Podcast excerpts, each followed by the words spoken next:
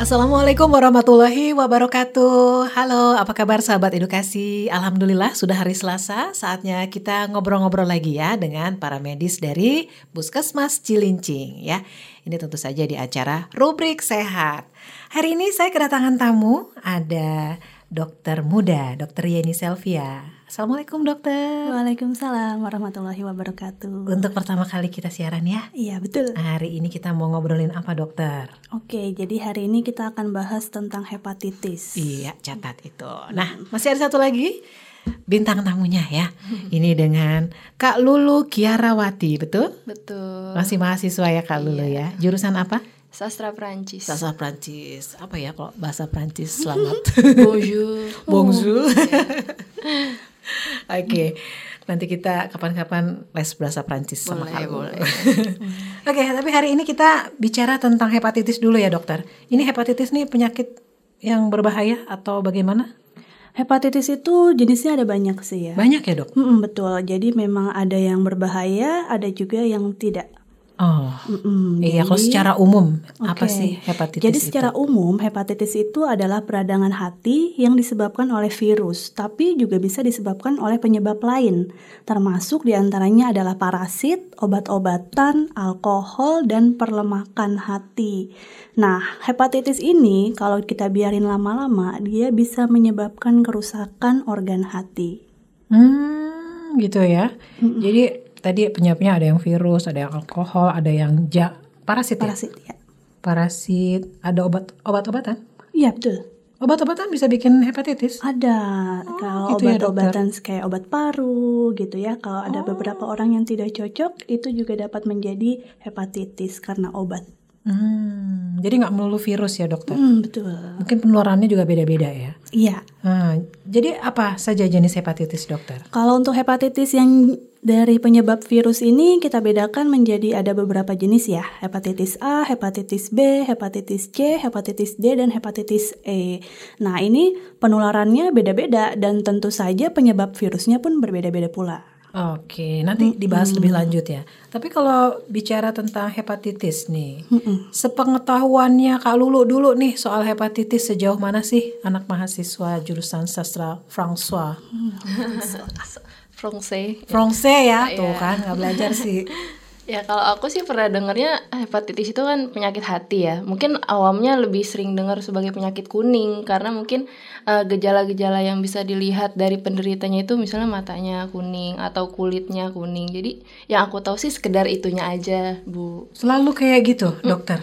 Eh, enggak sih, sebenarnya kalau sakit kuning itu enggak mesti harus penyebabnya hepatitis. Jadi sebenarnya penyebab lain yang memang ada gangguan di heparnya atau di hatinya itu pun bisa menyebabkan penyakit kuning. Bahkan tidak hanya itu, gangguan sel darah merah pun dapat menyebabkan Gejala? manifestasi kuning juga. Oh. Jadi nggak cuma hepatitis. Jadi yang lain-lain tuh juga bisa ya. Iya betul. Tapi memang dari dulu biasanya kalau sakit kuning tuh ya sakit liver gitu ya dok. Iya, kebanyakan memang orang-orang taunya kan, "Mm-mm, sakit kuning itu sakit liver, sakit kuning sakit liver. Padahal ternyata belum tentu. Ini mematikan nggak sih dokter?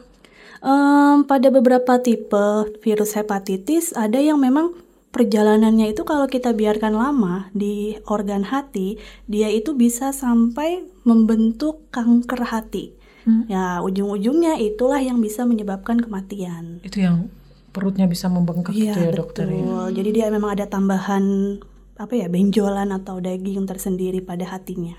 Pernah punya eh, pengalaman mungkin di anggota keluarga jangan sampai sih ya atau Iya. teman atau lingkungan begitu nggak lulu? Pernah dok, eh dok lagi Yes, ibu, jadi dok. sorry. pernah nih bu, teman saya kebetulan. Jadi dia pernah cerita kalau dia tuh menderita hepatitis. Cuma saya kurang tahu tipe apa karena agak nggak enak juga untuk bertanya kan. Maksudnya khawatirnya dia merasa tersinggung atau merasa disudutkan begitu. Eh, nah kebetulan dia tuh cukup akrab sama saya. Jadi ketika dia misalnya minta minum atau minta makanan saya kan secara otomatis kita bergantian menggunakan sendok yang sama dan Iya sebenarnya saya juga agak khawatir di situ takutnya tertular eh, ketika dia mau meminta makanan atau minuman saya begitu. Jadi Lulu udah tahu dong ya kalau hepatitis itu penularannya bisa dari alat makan yang dipakai bersama. Nah itu saya juga sekedar curi-curi dengar aja sih Oh, belum curi-curi belum dengar yang baik. Iya dengar. belum uh, cari tahu lebih lanjut soal hepatitis. Gitu. Nah, silakan dikonfirmasi nih kalau gitu dokter Gimana tuh ini. dok? Itu betul nggak tuh dok? Bisa menular lewat air liur atau? Diklarifikasi. Iya, Oke, Klarifikasi. betul. Jadi memang ada beberapa tipe virus ya yang memang dia menularnya itu melalui fekal oral atau dia bisa menular melalui makanan. Nah, termasuk dia itu bisa menularkan melalui air liur walaupun memang jumlahnya hanya sedikit ya. Jadi memang pada penderita hepatitis biasanya itu eh, hepatitis A dan E yang menular melalui fekal oral ya. Nah, pada penderita ketika dia buang air besar di mana setelah itu dia tidak mencuci tangannya dengan bersih, nah itu virus-virusnya itu masih ada dan dia bertahan di luar tubuh manusia itu cukup lama, bahkan sekitar sampai bulan-bulanan. Nah, ketika dia berbagi makanan nih sama orang dengan kondisi tangannya yang tidak bersih, terus kita bagi-bagi makanan, nah itu bisa jadi menularkan kepada orang lain juga. Wow, bahaya juga ya Itu berarti. makanan yang terkontaminasi virus tadi ya, yang bisa pindahnya lewat tangan, Mm-mm. bisa mati dengan cara apa dokter? Nah, betul banget. Jadi, memang virus hepatitis A ini dia itu bisa mati dengan cara dipanaskan. Minimal suhunya itu kira-kira 85 derajat Celcius, tapi siapa sih yang mengukur lah ya? Ya, pokoknya makanan yang dimasak dengan matang mendidih minimal satu menit. Nah, virusnya itu akan mati dengan cara seperti itu. Tetapi pada suhu-suhu freezer atau pendingin gitu, nah dia tidak bisa mati dengan cara itu. Jadi memang harus dimasak matang.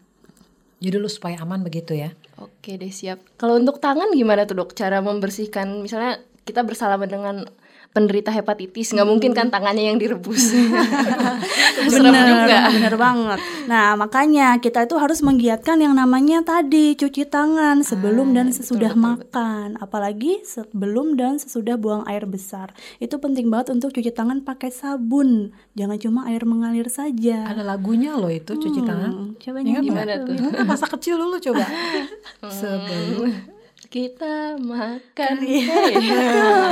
terusin. Cuci tanganmu dulu. Nah, iya Udah takut terkenal. Jadi artis ya. Iya. Luar biasa gitu. Ternyata eh, hal-hal yang mungkin sering kita tidak anggap sepele, yang sering kita anggap sepele gitu maksudnya, itu bisa menularkan virus hepatitis tadi ya.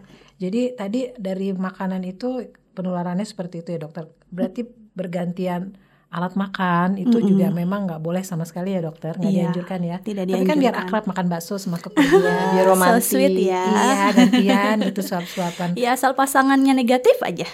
Oke, tapi kita kan nggak bisa ngedetect ya. Iya, betul. Kita kan nggak pernah tahu. Oh, ini kalau eh, saya pikir tadi saya orientasinya ke pertemanan nih, gitu ya kan biasanya anak perempuan itu makan bersama kan satu Iya mangkok. betul. Jadi eh, dari mulut balik lagi ke mangkoknya. Iya. Bahkan pakai sendok yang sama. Sendok yang sama Bahkan benar. sendok yang sama dokter. Itu gimana dokter? Kita cuman sama-sama nggak tahu nih siapa di situ yang membawa virus. Iya, makanya dari itu tadi memang dianjurkan adalah punya alat makan sendiri. Jadi memang tidak berbagi.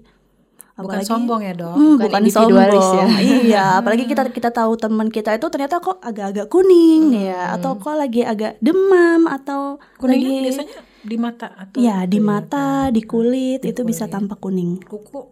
Ya, betul. Kelihatan juga ya. Oh gitu. Jadi kalau misalnya terlihat tanda-tanda atau gejala-gejala yang kuning-kuning gitu lebih baik kita agak eh, menjauh sedikit gitu ya. Iya, keringat, betul. teman. keringat bersentuhan begitu dok? Tidak. Oh tidak. Tidak. Kalau pinjam pakaian? Kalau pakaian juga tidak. ya? Oh, tidak juga ya. Jadi mitos-mitosnya juga harus dipelajari. Klarifikasi ya. Iya, jadi eh, mungkin dipertegas lagi dokter tanda-tanda atau gejala hepatitis itu seperti apa? Oke, pertama itu dia bisa ada demam, ya, terus kemudian badannya itu jadi lemas dan mudah lelah.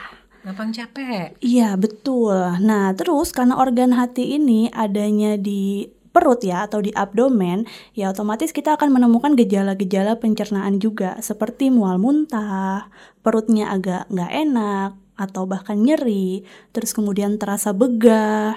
Nah, terus pada eh, air seninya itu bisa tampak gelap. Jadi kayak coklat gelap kayak gitu, tidak yang bening atau kuning seperti orang normal biasa. Terus kemudian buang air besarnya itu atau fesesnya bisa dalam bentuk diare, bahkan warnanya itu menjadi berwarna agak pucat. Abu-abu Ya, jadi kayak pucat dempul putih keabuan gitu. Itu sudah tanda-tanda hepatitis ya, Mm-mm, Dan yang paling penting sih ini adalah tadi kuning. Kuning pada kulit, pada mata, pada kuku juga bisa. Itu di semua hepatitis A, B, C, D, E. Iya, Itu gejala umumnya seperti gejala umumnya seperti itu, betul. Mungkin eh, sekarang dijelaskan dokter perbedaannya A, B, C, D, E itu. Oke, kalau pada hepatitis A itu sendiri, dia memang adalah infeksi jangka pendek. Ya, dia itu adalah infeksi yang ketika sudah sembuh, dia tidak akan berlanjut sampai ke fase kronik atau fase jangka panjang. Stop ya dok. Stop. Nah, itu pun pada orang-orang yang sudah terkena hepatitis A, dia tidak akan bisa terkena lagi. Karena dia memang sudah terbentuk antibodi pada tubuhnya, di mana besok ketika dia terkena lagi nih virus hepatitis A, dia sudah bisa melawan. Tubuh sudah bisa melawan sendiri hepatitis A-nya, jadi dia nggak akan pernah kena lagi. Nggak perlu vaksin. Kalau Hepatitis A vaksin perlu sebenarnya pada saat eh, dua minggu setelah eh, kira-kira jangka waktu dua minggu pada saat terkena paparan. Itu memang vaksinasi paling baik pada saat-saat itu, tetapi belum muncul manifestasi ya. Ketika sudah muncul manifestasi ya sudah buat apa? Udah kejadian. ya? Antibodinya sudah pun terbentuk. Hmm. Mm-mm. Terus kemudian kalau untuk hepatitis B eh, dan hepatitis C ini adalah infeksi yang munculnya sebenarnya waktunya singkat juga atau ada bentuk infeksi akutnya. Tetapi pada beberapa orang apalagi yang pengobatannya itu tidak tuntas, nah virus-virus ini bisa akan menetap di organ hati. Nah, yang tadi saya bilang dia lama kelamaan eh, dalam hitungan tahun dia bisa menyebabkan sirosis hati atau pengerasan hati dan itu pun kalau dibiarkan lebih lama lagi bisa menyebabkan kanker hati yang ujung-ujungnya bisa terjadi kematian. Oh, jadi ada riwayatnya seperti itu perjalanannya ya dokter ya. Dia harus sirosis dulu baru kanker ya. Mm-mm. Ada yang melewati sirosis dulu, ada yang memang langsung kanker. Oh, itu kalau diraba gitu mungkin bagian perutnya ya. Iya. Itu seperti apa dok? Kalau bagian perut kanan atas ketika dia memang pada fase infeksi dia bisa ada pembesaran. Jadi memang harusnya tidak teraba hepar itu. Cuma kalau memang lagi fase infeksi ataupun fase kanker hati, dia bisa jadi membesar. Jadi teraba lah, tidak ada benjolan atau teraba sedikit pembesaran pada perutnya. Iya baik ya. Kita break dulu. Masih ada satu segmen lagi ya. Kita nanti mulai lagi untuk pembahasan hepatitis C-nya ya, dokter ya. Ya. Kami segera kembali.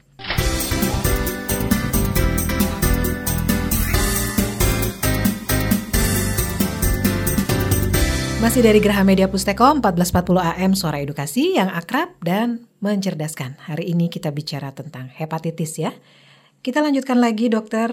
Sekarang membahas tentang hepatitis C dan seterusnya. Oke, kalau untuk hepatitis C ya sekarang yang kita bahas. Kalau untuk hepatitis C ini dia itu penularannya paling banyak atau paling sering itu terjadi pada hubungan seksual. Penggunaan jarum suntik yang tidak steril, terus kemudian pemakaian tato, terus ya pada pengguna-pengguna nafza Bahkan bisa juga beresiko pada orang-orang yang rutin cuci darah. Hmm. Mm-mm, karena kan dia tuh rutin terkena jarum, Jarum. suntik ya, yang bergantian dengan orang lain, yang terkadang kan kita juga tidak tahu apakah memang steril atau tidak. Nah itu semua yang beresiko bisa terjadi penularan hepatitis C. Makanya nih kalau kita ada teman-teman, keluarga atau tetangga yang punya resiko-resiko seperti itu, walaupun memang belum ada tanda-tandanya, boleh banget diperiksain screening hepatitis C di puskesmas kecamatan Cilincing ada. Itu ya. Jadi ya kalau merasa ada resiko ya dokter ya, Iya, lebih betul. baik diatasi daripada kita mengurung diri Betul. ya, malah lebih bahaya lagi. Pokoknya yang urusannya sering kena jarum suntik ini ya dokter. Mm-mm. Itu tandanya gimana dokter? Jarum suntik yang di apa ya disematkan gitu ya ke kulit seseorang itu masih baru atau tidak? Em, sebenarnya sih kalau tandanya kita lihat aja ya dari bungkusnya apakah dia sebelumnya masih terbungkus rapi atau tidak, apakah pernah digunakan bersamaan dengan orang lain atau tidak. Ketika kita sudah melihat awalnya itu masih terbungkus dengan rapi, ya kita bisa pastikan itu memang jarumnya steril. Tapi ketika kalau jarumnya sudah tumpul, sudah agak sedikit berkarat mungkin. Serem yang amat kan ya. ada tuh yang penggunaan-penggunaan tato yang nggak jelas seperti itu ya, yang nggak tahu kita itu jarumnya apakah sebelumnya dipakai apa cuma dicuci dengan sabun saja. Oh, bahaya sekali ya. Iya. Lulu punya cerita nggak Lulu? Mungkin sekitar ya itu perilaku-perilaku yang menyimpang dari teman-temannya. Alhamdulillah ya teman-teman yang aman ya. Alhamdulillah. Pilih-pilih ya. Tapi eh, yang benar. ya kita untuk pengetahuan saja sih ya, berarti ya nggak apa-apa. Kalau yang hepatitis D dan E, dokter, itu jarang ya katanya. Iya, itu jarang. Itu jarang terjadi, cuma bisa dibedakan kalau untuk hepatitis E itu penularannya sama seperti hepatitis A. Jadi dia lewat fekal oral juga. Terus kalau apalagi nih ya dokter eh, tentang hepatitis itu bisa sembuh sama sekali atau tidak? Oke, kalau untuk hepatitis A bisa. Terus kemudian kalau untuk hepatitis B itu pengobatan hanya menekan jumlah virusnya. Jadi masih ada ya di Iya, masih ada. Makanya kenapa pada orang dengan hepatitis B itu harus rutin memeriksakan dirinya tentang perjalanan hepatitis B-nya itu tersendiri. Apakah ternyata tiba-tiba sudah sampai kondisi sirosis atau sudah sampai pada kondisi kanker. Nah, itu yang harus dipantau terus. Terus kemudian kalau untuk hepatitis C sekarang sudah ada obatnya. Oh, begitu. Iya, di Indonesia sekarang sudah ada obatnya. Pengobatannya itu eh, ada yang tiga bulan, ada yang enam bulan. Ada tiga bulan, enam bulan rutin ya dokter Iya, ya? itu rutin pengobatannya. Hmm. Ini kebanyakan yang mengalami kasus hepatitis ini siapa sih dokter? Hepatitis, kalau untuk hepatitis A sendiri ini paling banyak memang eh, terjadi pada orang-orang yang tinggal di wilayahnya itu kurang bersih. Ya, eh, terus kemudian paling banyak sih pada anak-anak ya. Apalagi kan sekarang itu kasusnya juga sudah mulai agak meningkat nih pada anak-anak sekolah yang jajannya itu mereka sembarangan. Ya pernah ada ya? Ya, Berita sering, viral? sering dengar yang seperti itu sih dong. Ah, apa yang didengar dari Lulu nih? Ya kita semua tahu ya mungkin jajanan-jajanan yang dijual di luar kantin biasanya eh, mereka kan biasanya abang-abang yang gerobak tuh yang kita nggak tahu apakah dia rutin cuci tangan setiap eh, habis melakukan sesuatu atau sebelum melayani pelanggan begitu. Jadi terkadang untuk hal sanitasi yang seperti itu tuh sering diabaikan gitu sampai akhirnya si anak menderita eh, penyakit-penyakit pencernaan karena kurangnya kebersihan itu tadi. Sering sekali sih dengar kasus yang seperti itu. Dokter sendiri mungkin pernah mengalami atau mengatasi kasus ya ini satu sekolah terjangkit hepatitis gitu. Iya pernah. Memang eh, belum lama ini juga ada yang seperti itu ya di salah satu sekolah. eh, memang dia ada satu anak yang sudah dirawat karena hepatitis A. Nah terus kemudian satu sekolahnya itu ada beberapa teman yang ternyata nggak berapa lama menunjukkan gejala yang sama juga. Hmm, tertular ya. Iya, jadi setelah itu memang kita akhirnya kita screening nih mana anak-anak yang mempunyai gejala dan tanda-tanda yang sama, kemudian kita periksakan laboratoriumnya. Nah, ternyata lumayan juga hasilnya menemukan banyak yang terkena hepatitis A. Nah, itu- jadi semudah itu penularannya. Hmm. Hanya karena jajan di tempat yang sembarangan tuh abang-abang yang kita tidak pernah tahu kebersihannya. Iya. Eh kalau dulu sih kita mungkin awam ya, berpikirnya kalau jajan sembarangan ya diare ya. Iya, betul. Tapi kalau sekarang hepatitis ya, Dok. Iya bener karena agak mungkin dulu agak jarang dan mungkin ya udah biasa aja gitu ya jadi nggak yang booming banget lebih booming diarenya kan sama sakit perutnya atau batuk pilek lah nah tapi ternyata sekarang hepatitis A lebih merambah lagi dan lebih gampang lagi sebenarnya penularannya Jadi dulu mungkin ada gitu ya, Dokter. Iya, udah ada ya. sebenarnya dari dulu. Cuma memang mungkin belum banyak masyarakat yang tahu tentang itu. Jadi dibiarkan. Karena hepatitis A pun kalau kita biarkan, memang antibiotik kita akan tadi dapat menghilangkan sendiri virusnya. Jadi kalau kita diamkan pun ya lama kelamaan bisa akan sembuh sendiri. Cuma memang pada beberapa kasus ada yang sampai menyebabkan kasus kematian padahal hepatitis A ya. Nah, itu tuh biasanya terjadi ketika hepatitis A-nya itu menyerang usia-usia di atas 50 tahun atau dia memang sudah ada penyakit hati yang lainnya juga yang memperparah. Jadi bisa sekaligus ini orang mengalami hepatitis A dan hepatitis iya, B begitu bisa. dok? Oh, rawan ya hati itu ya, rawan sakit. Hati rawan sakit. Makanya hatinya harus Hati-hati. dirawat. Dulu punya pertanyaan nggak kira-kira nih soal hepatitis? Iya nih dok, aku mau tanya. Jadi sebetulnya untuk jenis-jenis hepatitis ini kan ada A, B, dan C. Itu tuh dibagi berdasarkan tingkat keparahannya atau memang dia tuh benar-benar berbeda sama sekali sih dok antara A, B, dan C itu tadi? Oke, jadi benar. Memang vi- hepatitis A, B, dan C itu dari virusnya aja sudah berbeda. Ah, Mm-mm, dari virusnya berbeda, cara penularannya berbeda, otomatis dan hasil manifestasi akhirnya pun akan berbeda-beda pula. Nah, untuk sekarang bahkan pengobatannya pun berbeda-beda. Bicara soal pengobatan, nah nanti ya di segmen yang terakhir kita cari tahu nih obatnya kira-kira eh, sulit nggak ya untuk ditelan? Karena kan namanya obat ya kan macam-macam bentuknya. Kita kembali setelah ini.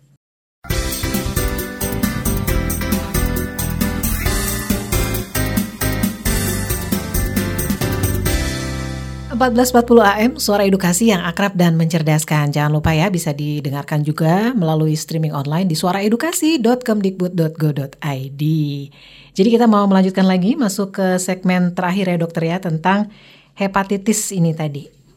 Dokter, siapa saja nih yang direkomendasikan untuk mendapatkan vaksin hepatitis ya? Ya. Jadi kalau hepatitis B itu kita kan memang ada program vaksinnya ya. Program vaksin dari mulai usia sejak lahir sampai dia eh, balita, terus kemudian bahkan dia ada boosternya jika memang diperlukan. Tapi memang tidak direkomendasikan sih kalau untuk booster vaksin hepatitis B itu tersendiri. Terus kemudian kalau untuk hepatitis A tadi memang vaksinasi kita anjurkan ketika dia dalam jangka waktu dua minggu setelah terkena paparan. Nah, itu baru kita berikan vaksinasi. Oke, untuk vaksin yang hepatitis B itu kita berikannya pada usia 0 hari, terus kemudian pada usia 1 bulan, sama pada usia 6 bulan. Nah, oke. Jadi itu sih memang kalau untuk hepatitis B dan hepatitis A. Jadi pemberian vaksinasi itu fokusnya di hepatitis A dan B ya. Itu juga dilayani di Puskesmas Cilincing ya dok ya? Yang B saja. Oh yang B saja. Baik, tadi kita sempat singgung soal pengobatan nih dokter. Jenis obatnya seperti apa, pengobatannya bagaimana dokter? Kalau untuk hepatitis A ini memang tidak ada pengobatan khusus ya. Jadi kita memberikan itu adalah obat-obat simptomatik ya. Jadi berdasarkan keluhannya seperti mual muntah, nyeri perut, terus kemudian eh, ketika kita butuh berikan adalah kita beri hepatoprotektan atau pelindung sel-sel hatinya. Nah, terus kemudian kalau untuk hepatitis B, ini pengobatannya ada tetapi cukup sulit dan diminumnya dalam jangka waktu lama ketika dia terjadi infeksi akut. Tetapi ketika sudah infeksi kronis, dia tidak ada pengobatan khususnya. Ya, jadi kita memang hanya pengobatan ya tadi tidak untuk menghilangkan virusnya tetapi hanya untuk menekan jumlah virusnya saja. Supaya tidak bertambah ya dok? Iya betul. Terus kemudian kalau untuk hepatitis C kita memang ada pengobatannya. Dia itu obatnya ada dua macam dan diminumnya setiap hari. Eh, Selama sekitar 3 sampai 6 bulan juga ada. Nah, itu nanti harus dicek lagi apakah memang benar-benar hilang. Kalau memang dia belum hilang, pengobatannya nanti kita lanjutkan lagi sampai dia memang benar-benar selesai. Ini mudah didapatkankah obat-obatan tersebut? Kalau untuk hepatitis C mudah, hepatitis A juga mudah. Kalau untuk hepatitis B tidak. Harus by request. pre-order. Pre-order. Pre-order. Iya ya, jadi itu penyakit hati itu terjadi biasanya ya dokter di Asia atau di mana nih belahan dunia lain yang paling banyak nih epideminya di mana? Kalau untuk hepatitis A, epidemi memang paling banyak di negara-negara berkembang. Ya, seperti kita tahu negara Belum bersih soalnya Iya, betul sekali. Terus kemudian kalau untuk hepatitis B dan hepatitis C memang dia lebih meningkat pada eh, wilayah-wilayah di mana tadi hubungan seksualnya masih tinggi, penggunaan tatonya juga masih tinggi, atau ya bisa dibilang negara-negara maju juga termasuk yang beresiko tinggi juga untuk terkena hepatitis B maupun C. Oke, dulu berani nggak nih kira-kira kalau meng- apa ya mencegah gitu ya upaya mencegahnya itu dengan vaksin? Berani dong. Berani ya? Berani Ada dong. ya kalau untuk orang dewasa. Kalau tadi kan untuk B itu hanya bayi, balita gitu ya. Mm-mm. Sebenarnya tadi karena memang kalau untuk vaksinasi ulangan tidak terlalu direkomendasikan karena ketika memang kita sudah dapatkan dia lengkap vaksinasi kita sejak kecil itu sebenarnya itu sudah bisa melindungi kita untuk jangka-jangka waktu seterusnya. Ya angka kemungkinan kejadiannya tipis ya dok. Iya betul. Kalau sudah pernah dari bayi, balita mendapatkan itu. Mm, ya. Jadi itu eh, memang dihimbau untuk setiap bayi yang baru lahir ya dok. Iya benar. Jadi jangan lupa untuk bayi yang baru lahir, eh, terus dan seterusnya untuk mengikuti program imunisasi itu secara lengkap. Ya, jadi tidak itu bolong-bolong. kalau untuk vaksin hepatitis B? Kalau vaksin hepatitis B itu kita pemberiannya tiga kali. Tiga Ya, kali usia? untuk di bawah. Jadi dia usia 2, 4 sama 6 bulan. Cuma ini ya, selisih dua bulan ya dokter? Iya. Hepatitis ini penyakit yang diturunkan atau enggak sih dok? Hmm, seperti yang kita tahu mungkin kan contoh penyakit-penyakit lain seperti diabetes itu kan memiliki resiko lebih tinggi eh, jika orang tuanya mengidap diabetes yang enam kali lebih besar gitu anaknya kemungkinan akan mengidap penyakit tersebut gitu. Nah kalau untuk hepatitis bagaimana sih dok? Dan untuk misalnya ibunya hamil nih, ibu hamil ini mengidap hepatitis, apakah itu juga dapat membahayakan si bayi atau seperti apa? Iya, jadi memang kalau hepatitis, khususnya hepatitis B, itu dia bisa menularkan dari ibu kepada janinnya. Oh begitu dokter? Iya, Hepatitis makanya B. B. Mm-mm. Ya, makanya memang setiap bayi yang baru lahir seharusnya diperiksakan dulu ketika memang ibunya sudah ketahuan positif. Nah, nanti bayinya kita periksakan dulu apakah memang bayinya itu terkena juga ada virusnya. Kalau memang dia tidak terdeteksi virusnya, nanti kita pertimbangkan apakah perlu pemberian vaksinasinya tadi atau tidak. Kalau ibunya Sudah positif. Sudah positif. Enggak, kalau Nggak ibunya kan sudah ya, positif. sudah positif nggak Iya. bisa ya dokter.